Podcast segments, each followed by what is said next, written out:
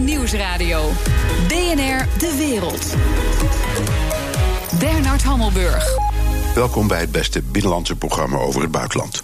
Straks, Bram van Ooyen moest samen met Jesse Klaver in veiligheid worden gebracht tijdens een werkbezoek in Ethiopië. Hoe dat ging en wat hij wijzer is geworden van zijn reis, dat vraag ik hem zo. Maar nu eerst. Het had wat voeten in aarde, maar Premier Boris Johnson krijgt dan toch zijn zo gewenste verkiezingen in december. Would it be fourth time lucky for Boris Johnson as he tried again to secure MP's backing for a general election? The ayes to the right, 438. The noes to the left, 20. Yep, he finally got it by a landslide. Ik praat verder over met Lia van Beckhoven, onze correspondent in het Verenigd Koninkrijk. Dag Lia. Goedemiddag, Bernard. Vandaag om uh, 23 uur, 11 uur s avonds, had eigenlijk de brexit een feit moeten worden. Aan de andere kant krijgt Johnson zijn verkiezingen en lijkt hij een deal met de EU die een kans heeft in zijn eigen parlement. Zou hij tevreden zijn, denk je?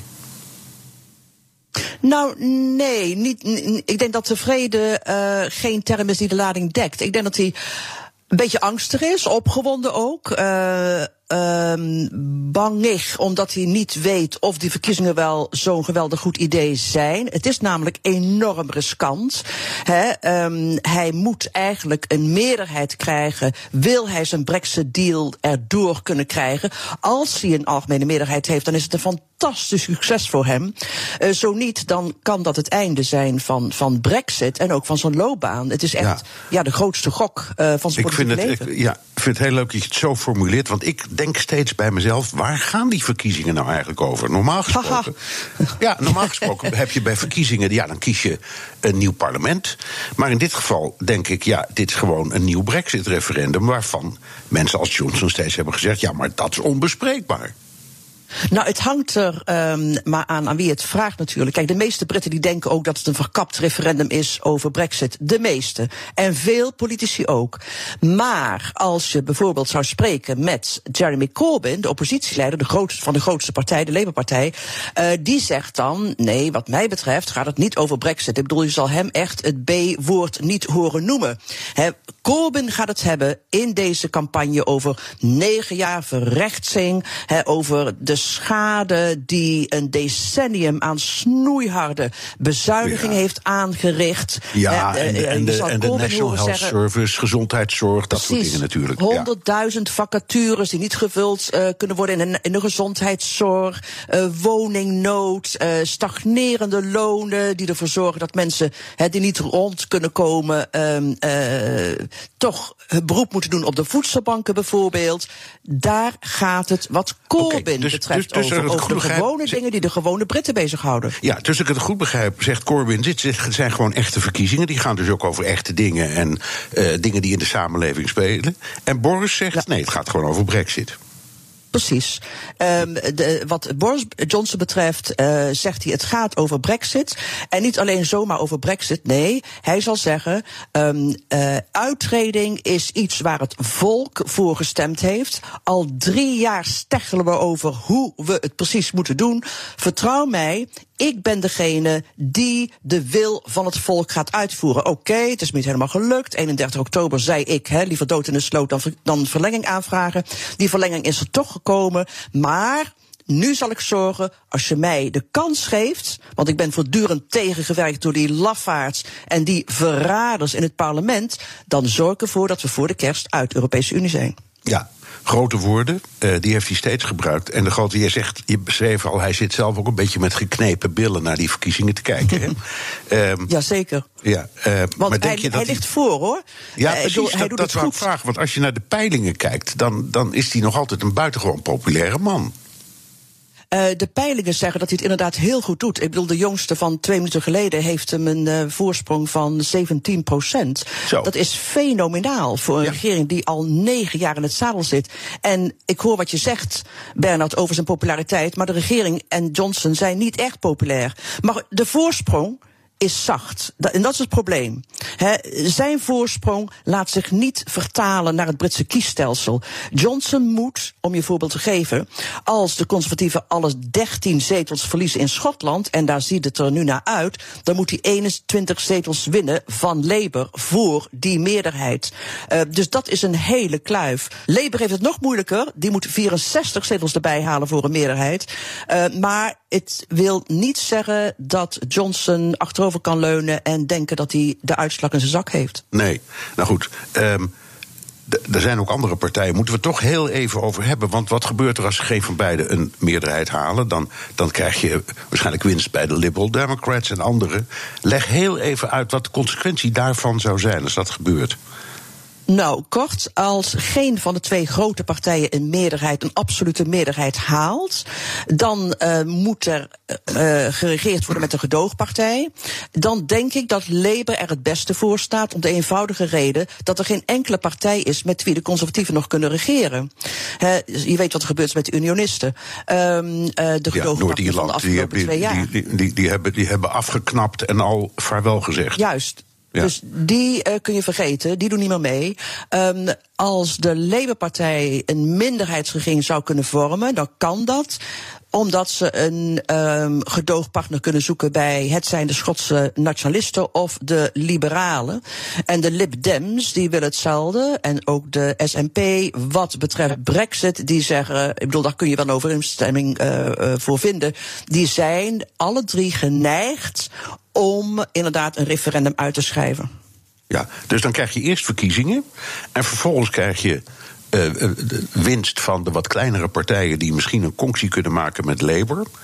En dan staat heel Brexit plotseling op losse schroeven, want dan komt er alsnog een nieuw referendum. Begrijp ik het goed? Ja, dat zou kunnen, inderdaad. Dat zou kunnen. Ja. Um, en nu het omgekeerde, is er ook een mogelijkheid dat Johnson, als die net geen meerderheid haalt, toch ook mm -hmm. weer in uh, het, het moeras van die Britse politiek ergens een groepje vindt dat hem toch nog wil steunen. Misschien wel, Bernard, misschien niet. En dat is het probleem met deze verkiezingen. Je zei het al, je suggereerde al, het is een verkapt referendum uh, voor de Brexiters uh, over Brexit. En dat betekent uh, dat het verkapt is, dus niet duidelijk. Met andere woorden, deze verkiezingen gaan voor heel veel mensen ook over andere zaken en lossen daarom niet per se iets op wat Brexit betreft.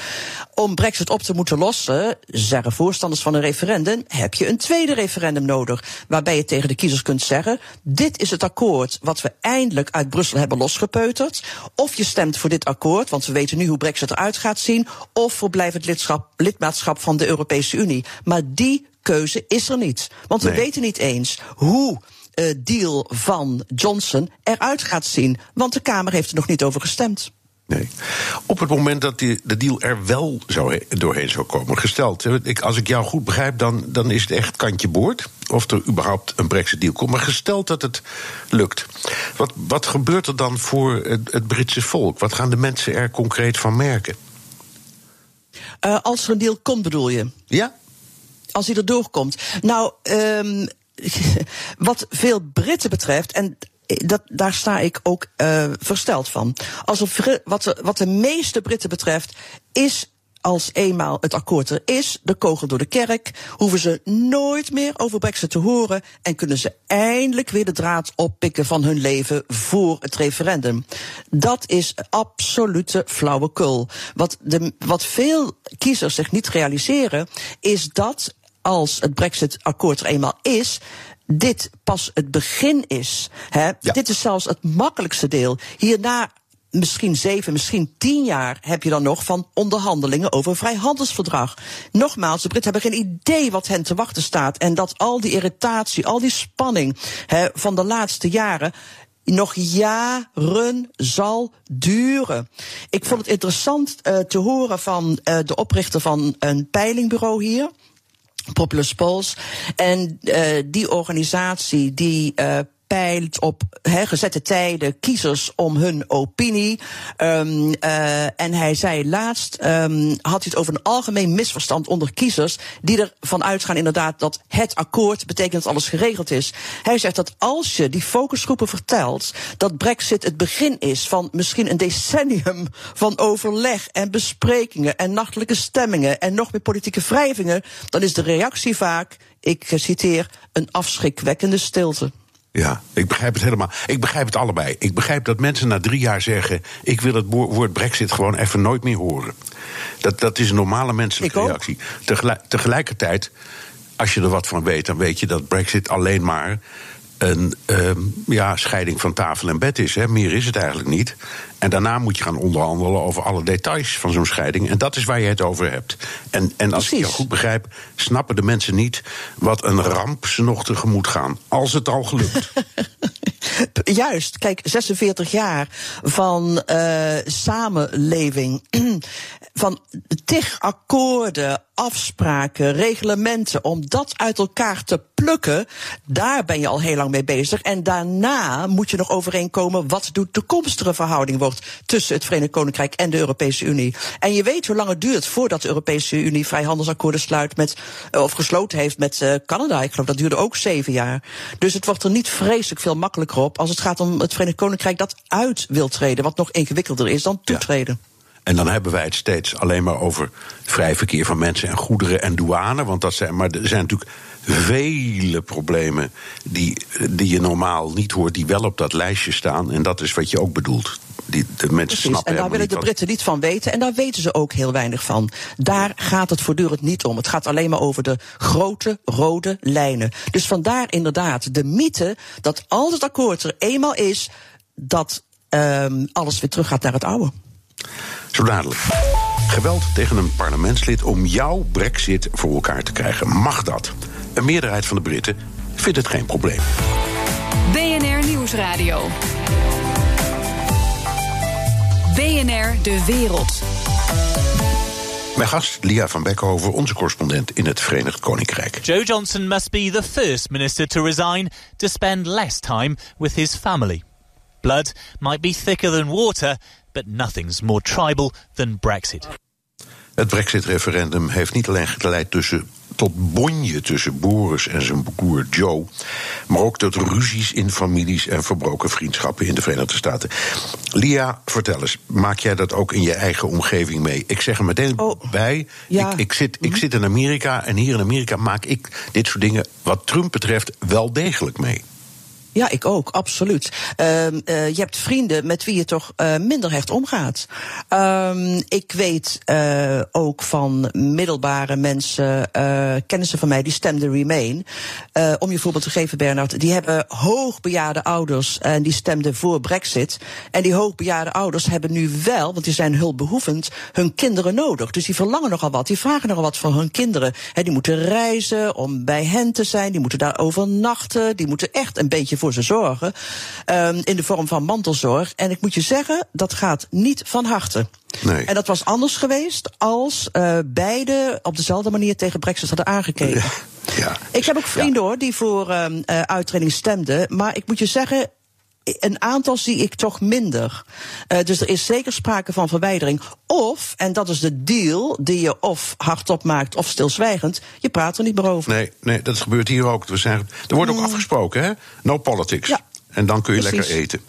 Ja. Precies. Ja, maar goed, je, en je hebt net als in de Verenigde Staten, in Engeland of in Groot-Brittannië ook het, uh, de mogelijkheid om te onterven. Dus je moet nog uitkijken ook, hè? Ja. nou, daar heb ik geen last van. nee. Oké, even, even die, die afkeer voor Europa. Dat is iets wat me geweldig fascineert. Okay. Je kunt zeggen. Uh, Charles de Gaulle heeft in 63 en 67 namens Frankrijk de Britse toetreding met een veto tegengehouden. Dat is pas in 73 mhm. gelukt. Kun je mhm. zeggen dat daar een beetje de basis ligt van de Britse afkeer van de EU? Dat die, die, nee. die, die, die man met zijn opgetrokken neus dat tegenhield. Nee, zo zie ik dat niet.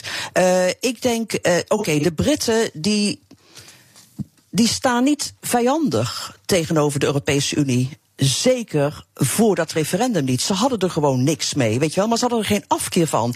Uh, de Britten wilden afstand bewaren, uh, uh, maar echt niet meer. Een euroskepsis. En de obsessie met de Europese Unie, die zag je jaar in jaar uit, decennia lang in de conservatieve partij, maar niet verder.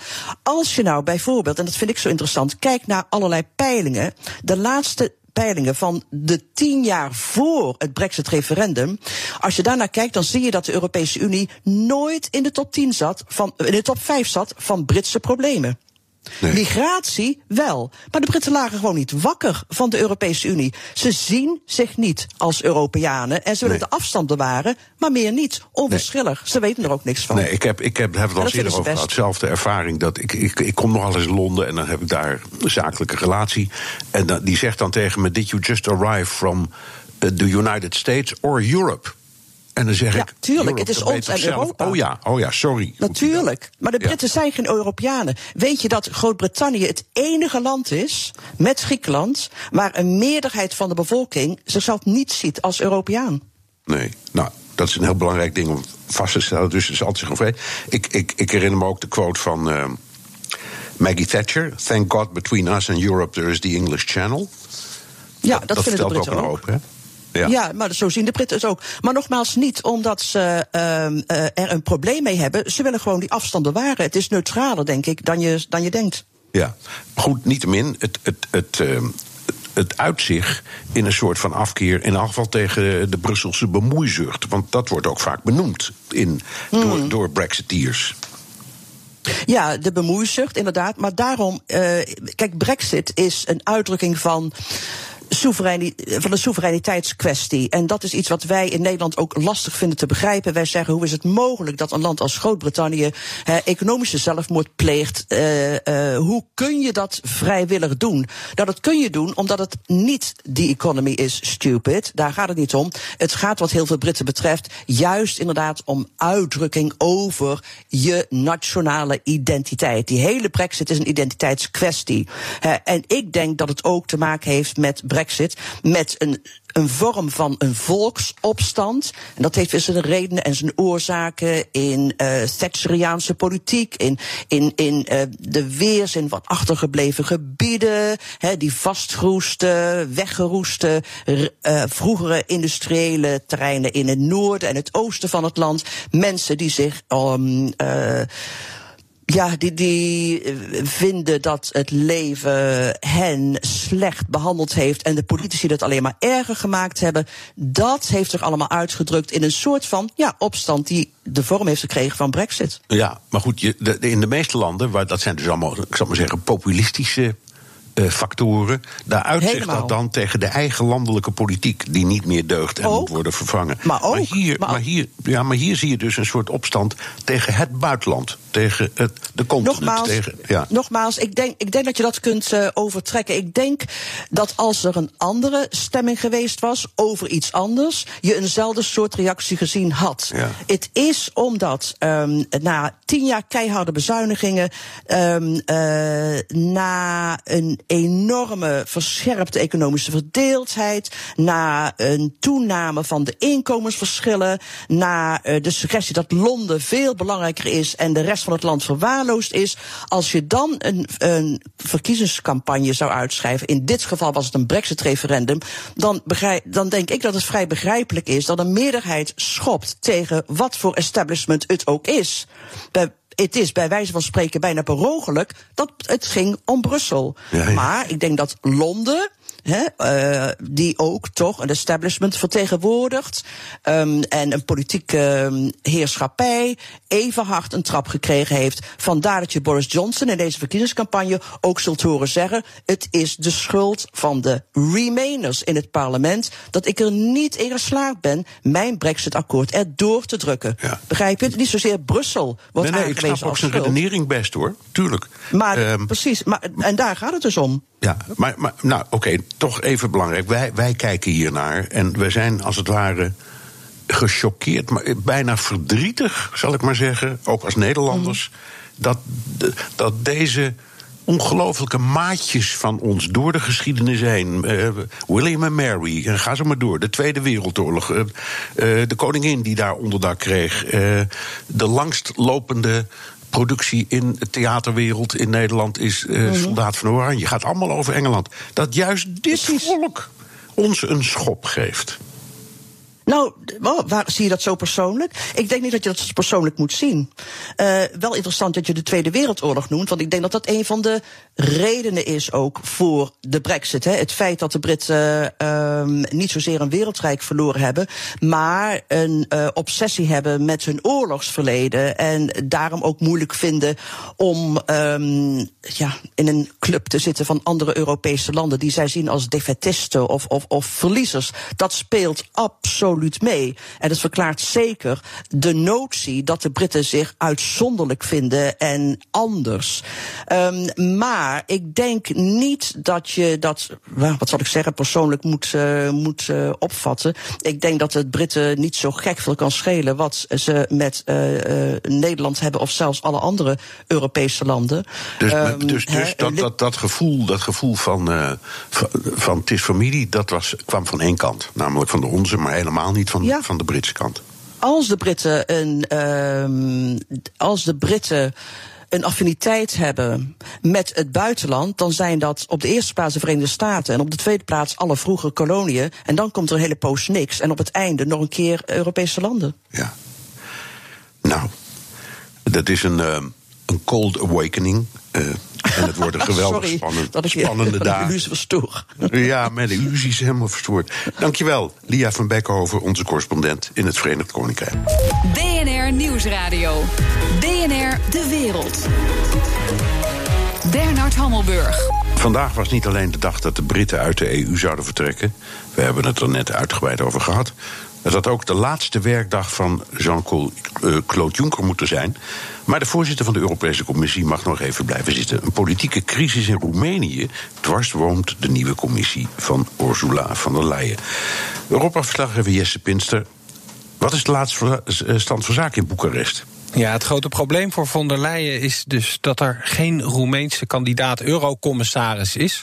De eerste die werd, nou dat is al meer dan een maand geleden afgewezen, toen nog door het Europees Parlement. En sindsdien zijn er drie andere kandidaten naar voren geschoven. Maar die worden het ook allemaal niet. En de reden daarachter is, er zit een demissionair kabinet in Boekarest. En uh, ja, die coalitie uh, die daar zat en er nog eventjes zit, die wordt gelijk door uh, Fiorica Dancila. Maar die is uit elkaar gevallen eigenlijk. Dus ja, ze mag alleen nog maar eventjes op de winkel passen. Maar toch probeert ze iedere keer weer een kandidaat naar voren te schuiven voor die Europese Commissie. En vervolgens laat dan de president van Roemenië, Klaus Johannes, weten dat dat absoluut onacceptabel is. En de reactie vanuit Brussel is: ja, als de premier en de president het niet eens eens gaan worden, gaan we deze niet uh, accepteren. En wat er eigenlijk gewoon speelt, is uh, ordinaire partijpolitiek, omdat die demissionaire premier, zij is een sociaaldemocrate. En dat is de president niet. Nee. Even één dingetje: er staat nergens dat elk land er eentje moet hebben. Die regel is afgeschaft. Uh, nou, ze hebben dat ergens in een voetnoot toch weer terug uh, erin gezet. Ja, omdat, ja, op, ja, op verzoek we, van Ierland herinner ik me. Ja, ja. ja dat is er toch gedaan. Dus er wordt toch, want zelfs de Britten die moeten straks met een Europese commissaris op de proppen komen, omdat ze nog een paar maanden in de EU zitten. Oké, okay, is, er is er zicht op een eind aan deze padstelling? Ja, het lijkt er wel op dat er maandag, of in ieder geval begin volgende week, een, uh, ja, een nieuwe coalitie uh, aan de macht gaat komen. Die staat onder leiding van Ludovic Orban. Dat is geen familie van Victor trouwens, wat wel weer heel verwarrend gaat zijn, want we hebben straks dus twee landen met allebei een premier Orban. Maar goed, dat terzijde. En ja, deze Orban die is uh, van dezelfde partij als de president Johannes. Zijn allebei van de PNL. Dat is de Nationale Liberale Partij. Wat overigens dan weer geen liberalen zijn. Want ze zitten in de Europese familie van de Christen-Democraten.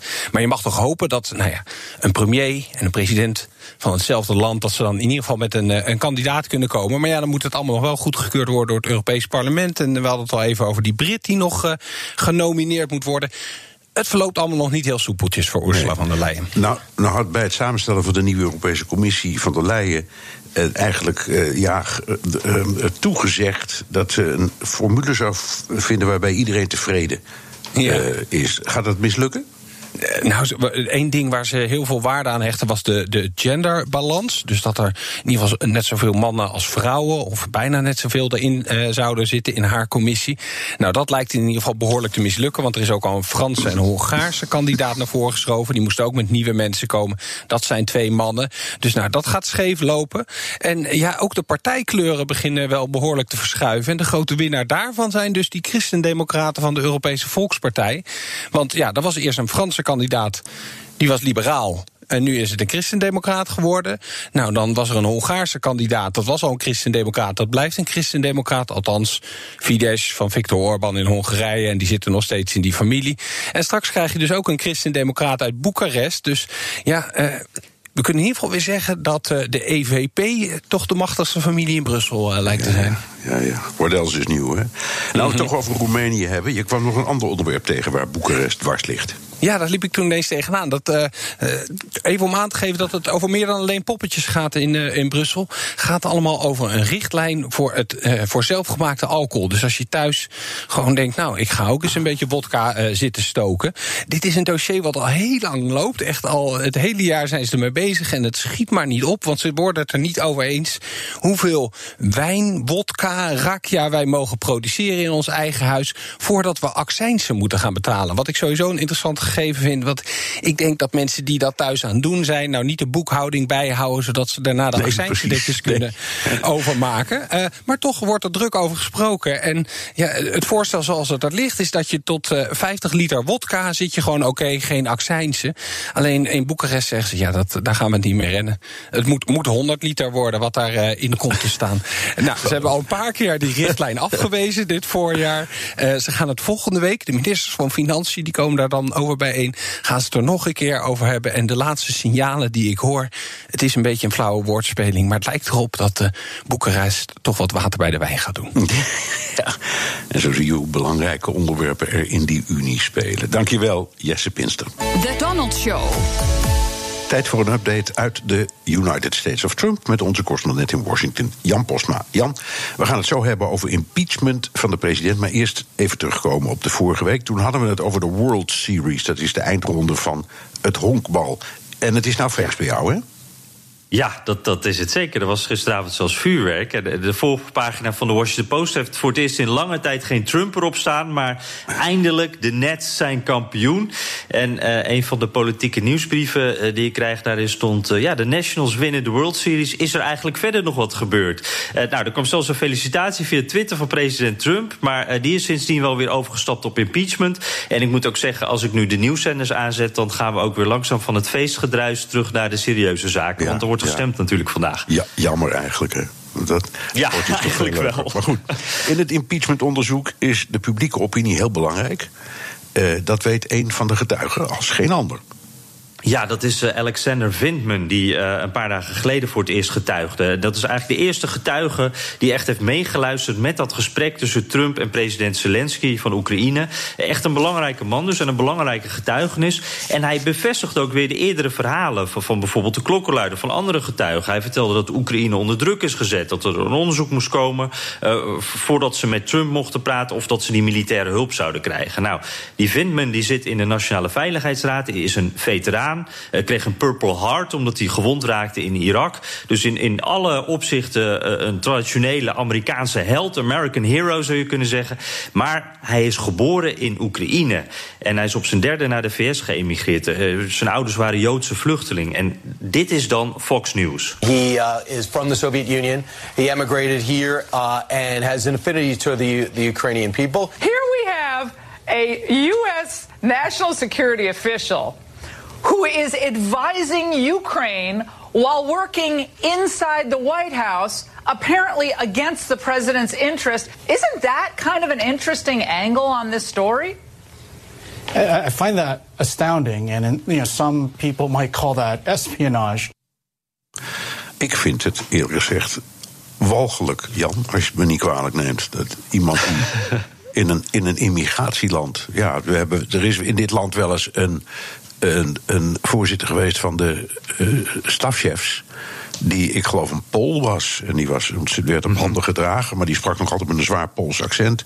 En denk aan Henry Kissinger en zo. Ja. Dus dit, dit is walgelijk. Nou goed, veteraan die in de Nationale Veiligheidsraad zit, is volgens Fox News niet te vertrouwen, omdat hij niet in Amerika is geboren. Ja, ja en, precies uh, wat jij net zegt, dat, dat, uh, die loyaliteit, daar twijfelen ze aan. Uh, ze zeggen van, nou, dat ligt bij Oekraïne. En, en, mij deed het ook wel een beetje denken aan de Red Scare, hè, die communistenjacht onder, onder Joseph McCarthy in de jaren 50, waarbij constant ook aan loyaliteit werd getwijfeld. En ook werd gekeken naar waar mensen vandaan kwamen, naar, naar hun migratieverleden. En de vraag, ja, die, die vraag van loyaliteit is er ook een die je vaak terugziet in ja, meer antisemitisme.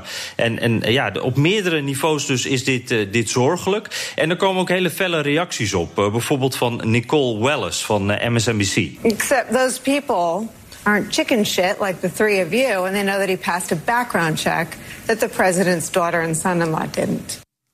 Ja, dat is een sneer. Uh, de, de, de Kushners uh, die hebben niet eens de background check gehaald in het Witte Huis. Die mogen niet eens alle geheimen mochten die meteen inkijken. Dus ja, wie, is hier, uh, wie heeft hier nou loyaliteitsproblemen? Wie is hier nu gevaarlijk? Ja, ruzie een beetje dus op tv. En dat helpt eigenlijk niemand wat verder. Wat, wat, wat meer constructief is, denk ik, Meghan McCain. De dochter van John McCain, die natuurlijk zelf een veteraan was. Ook een oorlogsheld. Die werd aangevallen, ook door Trump. En die zegt, ja, alles wordt hier politiek gemaakt. Dat is gevaarlijk. Vertrouw nu op hun titels, op hun ervaring, op hun professionaliteit. Want ja, anders dan kan je eigenlijk niemand, geen ambtenaar, uh, geen militair, niemand meer vertrouwen. Omdat dat, ja, ze altijd verdacht kunnen zijn om wat ze stemmen. Ja, maar goed, de vraag is: werkt dat zwart maken? Nou ja, ik moet zeggen, voorheen heeft het best wel gewerkt hoor. Um, eigenlijk, uh, als je ziet, los van, van, wie iemand is, wat zijn rang is, uh, of het een man of een vrouw is. de, Trump-campagne heeft eigenlijk over heel veel mensen die negatief zijn over Trump wel iets negatiefs te zeggen. Muller was links, die had een bende vol boze democraten, zei Trump. nou, Muller is zelf geen, geen democraat, staat geregistreerd als republikein. de, de klokkenluider die is zwart gemaakt. En dat zijn allemaal dingen die bij Fox-kijkers wel blijven plakken. Um, En die aanvallen gaan ook door. Trump die noemde uh, voor de hoorzitting die Vindman al een never Trumper. En ook uh, Trumps zoon, Donald Jr., die noemt hem uh, hier links. En de Fox-presentator gaat er dan nog even tegenin. Maar ja, dan gaat het gesprek ook weer heel snel verder. You only get total absolution if you are a leftist veteran. Not a veteran, just a leftist. If you're on their side, you can do no wrong. And but, again, but we don't know if he's a leftist. We oh, just yeah, say that. Yeah, if sure. You, uh, we Hey, Don, the media, it's in New York. Ja, dan gaat het gesprek dus verder. Je hoort dan nog eventjes uh, zeggen, ja, yeah, sure, het zal wel. En we zien hier eigenlijk een behoorlijk eensgezind front aan de Trump-kant. Dat, dat alle getuigen die negatieve dingen over Trump zeggen... die worden op deze manier aangevallen. En daarbij is dus hetgene wat in de VS altijd heel belangrijk was... het dienen van je land, je leven op het spel zetten voor je land...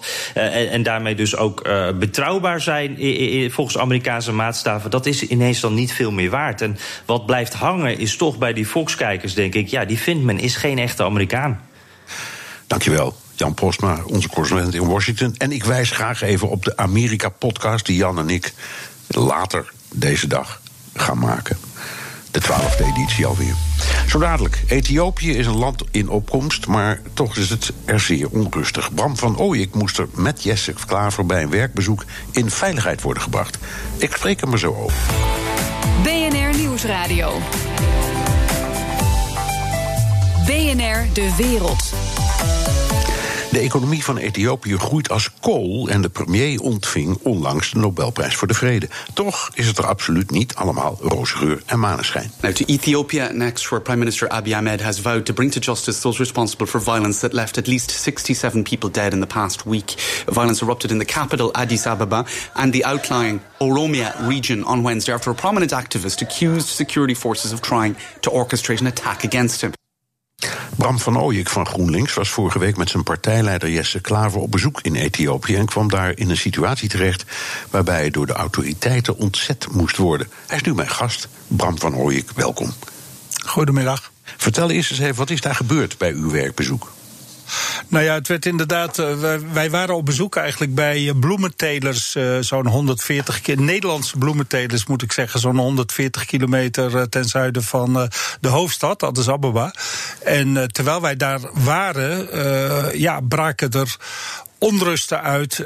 met name gevoed door grote groepen jongeren die van de nieuwe premier die net de Nobelprijs heeft gekregen, zoals u al zei, verwachten dat het heel snel beter zou gaan allemaal in het land. En dat gebeurt niet. En uh, ja, daar gingen ze zeg maar uh, rellen en oproepen tot staking. En het werd steeds gewelddadiger. En wij zaten daar en konden daar niet meer weg. Nee, maar er was op dat, in dat, zeggen, dat Nederlandse bloemenbedrijf op zichzelf niks aan de hand. Nou ja, die, die, die, die Nederlandse bloementelers die, hebben daar, uh, die zitten daar vaak al 10, 20 jaar. Dus die kennen de situatie goed. Maar die hebben ja. natuurlijk ook met die onrust te maken. En die doen daar grote investeringen. En uh, ja, die zijn natuurlijk niet gebaat bij het feit dat uh, hele grote groepen jongeren, zo moet u zich dat voorstellen, honderden jongeren gewapend met stokken, die komen dan ineens het terrein van zo'n bloemenfarm op. En ja. die gaan daar ja, de boel overnemen, om het maar zo te zeggen. nou, het dat lijkt is me beangstigend. Ja, het lijkt me voorlopig nog even geen ideale vakantiebestemming, dat land. Kunnen Nederlandse ondernemers er nog wel veilig heen? Nou ja, dat, ik, ik denk dat dat, dat dat moeten ondernemers natuurlijk uiteindelijk allemaal zelf beoordelen. Ik zei al, ze zitten daar vaak al tientallen jaren, dus ze hebben vaak al wel het nodige meegemaakt. Maar het is opnieuw een bewijs van het feit dat in ontwikkelingslanden, als je daar investeert, dat je ermee moet rekenen dat uh, de instituties van de staat, zeg maar, niet altijd even adequaat functioneren. En dat er snel de vlam in de pan kan, uh, kan slaan. En dat er dan niet ook onmiddellijk politie is, bijvoorbeeld, om uh, de zaak in goede banen te leiden. Ja, dan kun je je voorstellen van, u beschrijft die jongeren die boos zijn een beeld dat je ook ziet in Noord-Afrika ja, en in, in, andere delen van de wereld. Mensen die geen werk hebben, wel een opleiding, nou, noem het allemaal maar ja. op. Kun je zeggen dat die, die, die president, ondanks een Nobelprijs, ook faalt op dit gebied? Nou ja, wat er gebeurt is, op het, er komt een nieuwe uh, minister-president in dit uh, geval. Die, wordt, uh, ja, die heeft aspiraties, die is idealistisch, die wil veel goeds met het land. En die maakt iets los bij, nou ja, in dit geval met name bij de jonge bevolking. En dat wordt niet heel snel geëffectueerd. Dus de verwachtingen zijn hoog gespannen. Maar ja, je moet uh, geduld hebben voordat mensen echt merken bijvoorbeeld dat het beter gaat in een land. En dat geduld is er niet bij mensen die inderdaad, zoals u zei, geen baan hebben, laag inkomen hebben, weinig perspectief hebben. Dus die zeggen we willen verandering en we willen het nu. Maar ja. dat nu, dat duurt nog even. Ik zei ten onrechte, de president moet natuurlijk premier zijn. Ja, premier, um, ja. Het land, land doet het uh, op zichzelf heel goed. Ja. Dus het heeft potentieel. Zeker, het heeft uh, een, een, een, een, zeg maar, meer dan gemiddelde hoge economische groei. Het is een grote bevolking, dus het is een, meer dan 100 miljoen mensen. dus een grote interne markt, een grote thuismarkt. En de investeerders staan uh, in de rij. Niet alleen, we hadden het net al even over Nederlandse bloementelers, maar Chinese, Turkse bedrijven, uh, Saudi-Arabië. Uh, wat je ook wel meer ziet in Afrika, dat het aantal opties waaruit een land kan kiezen steeds groter wordt. Er, er speelt zich ook een geopolitiek gevecht om invloed af. Dat ja. zich ook uit in ja. economische handel en investeringen. En dat brengt ons onmiddellijk misschien een beetje op Rusland, maar in afval op China. Want ja. dat, dat, dat voert in de hele wereld, zeker in Afrika, een heel ja. apart beleid. Uh, hun opvatting van ontwikkelingssamenwerking is. Uh, wij kunnen daar investeren, bijvoorbeeld in goedkope arbeid of fabrieken of wat dan ook. Of we krijgen grondstoffen. In ruil daarvoor krijgen zij infrastructuur, ziekenhuizen en noem het zo maar op. En dan is de deal: wij bemoeien ons niet met elkaars interne aangelegenheden. En het werkt, toch? Ja, het is in ieder geval, het heeft voor uh, Afrikaanse landen zoals Ethiopië inderdaad een aantal aantrekkelijke kanten. Hè. Het is heel sterk boter bij de vis. Als je door uh, Addis Ababa loopt, zoals wij vorige week nog deden, dan ben je toch wel weer verbaasd over hoe overal grote uh, Chinese plakaten hangen, gebouwen uit de grond uh, gestampt worden, die door Chinese arbeiders worden gebouwd. Een spoorlijn wordt aangelegd, die door Chinezen wordt gebouwd en gerund. Dus je ziet een soort ja, vorm van, wij zouden dat bijna imperialisme noemen, wat, ja. wat, wat Europa al lang achter zich heeft ja. gelaten eigenlijk. Ja, maar wat bestaat, China. Er bestaat, een, er bestaat een woord voor, dat is land grabbing. Ja. Dus zij, zij, zij, pakken gewoon ja. stukken land. En, ja. en, en, wat ze ook doen als zo'n land een zachte lening krijgt en hem niet kan afbetalen, dan zeggen ze: Nou, dan is het van ons. Ja. En dat vinden wij dan een... allemaal. Dat vinden wij eigenlijk een beetje immoreel, toch? Ja, maar ik, ik, moet wel, dat klopt. Maar ik moet zeggen dat ook in Afrikaanse landen zelf. We hebben bijvoorbeeld uitgebreid met de minister van Buitenlandse Zaken van Ethiopië kunnen spreken. Dat ook in die landen zelf men zich nu wel wat vaker achter de oren gaat krabben. En gaat zeggen: Nou, misschien is dat Europese model. Weliswaar bemoeien ze zich dan ook met onze interne aangelegenheden. Maar ze doen wel fatsoenlijk zaken. Dat besef neemt wel toe. En dus de kritiek op, het, op de Chinese aanpak neemt ook toe. Dus wat men nu eigenlijk zegt is: we willen toch proberen met jullie allemaal goed zaken te doen. En Europa moet vooral niet denken dat ze de slag hier verloren heeft, want die heeft wel degelijk ook iets te bieden. Ja, nou ja, wat ik vaak hoor van Afrikanen is. Um, uh, wat je van die Chinese aanpak ook denkt. We, we hebben het er beter door dan ooit. Uh, terwijl jullie samenwerking, uh, ontwikkelingssamenwerking, ja, die is nog altijd gebaseerd op uh, missie en zending, zou ik maar zeggen. Dus jullie hebben altijd, jullie hebben altijd ehm, overeenkomsten die zijn zo dik als een telefoonboek. En we moeten aan alle ja. mogelijke voorwaarden voldoen. Daar hebben we allemaal helemaal geen zin in, joh. Nee. Geef ons die Chinezen nee. maar. Ja, nou, en, en, dat klopt. Dat heb ik ook heel lang gehoord. En je ziet nu toch daar wel een klein beetje een kentering in. Omdat bijvoorbeeld Afrikaanse landen tot de dekking komen. dat ze hele hoge schulden hebben opgebouwd aan het adres van China. En dat als ze die niet kunnen afbetalen, zoals u geloof ik ook al zei net. ze dan uh, in een wurggreep worden genomen.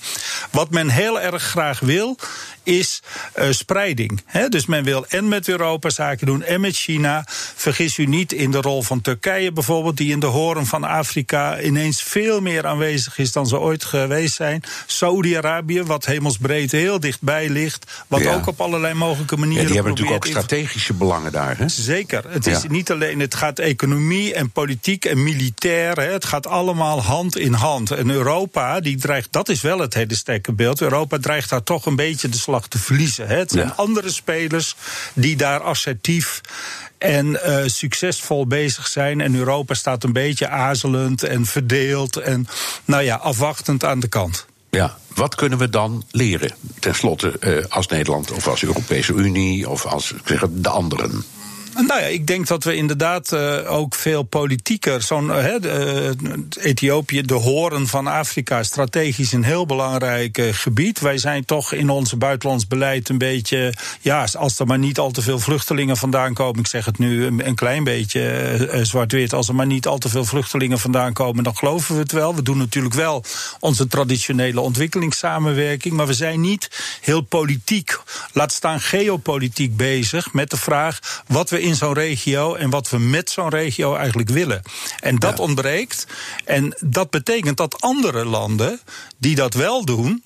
En uh, een voorsprong op ons nemen. Ja, en we hebben wel degelijk een belang, vindt u, ook als Nederland, in bijvoorbeeld uh, nou ja, die regio en, en, en de verbinding met Djibouti, wat helemaal verschrikkelijk belangrijk is. Hebben we daar zelf ja, belang? Ligt, het ligt strategisch natuurlijk heel uh, belangrijk ook aan belangrijke doorvoerwegen. Het ligt vlak uh, water, hè, hoe heet dat? Waterwegen, Golf van Aden, et cetera, et cetera.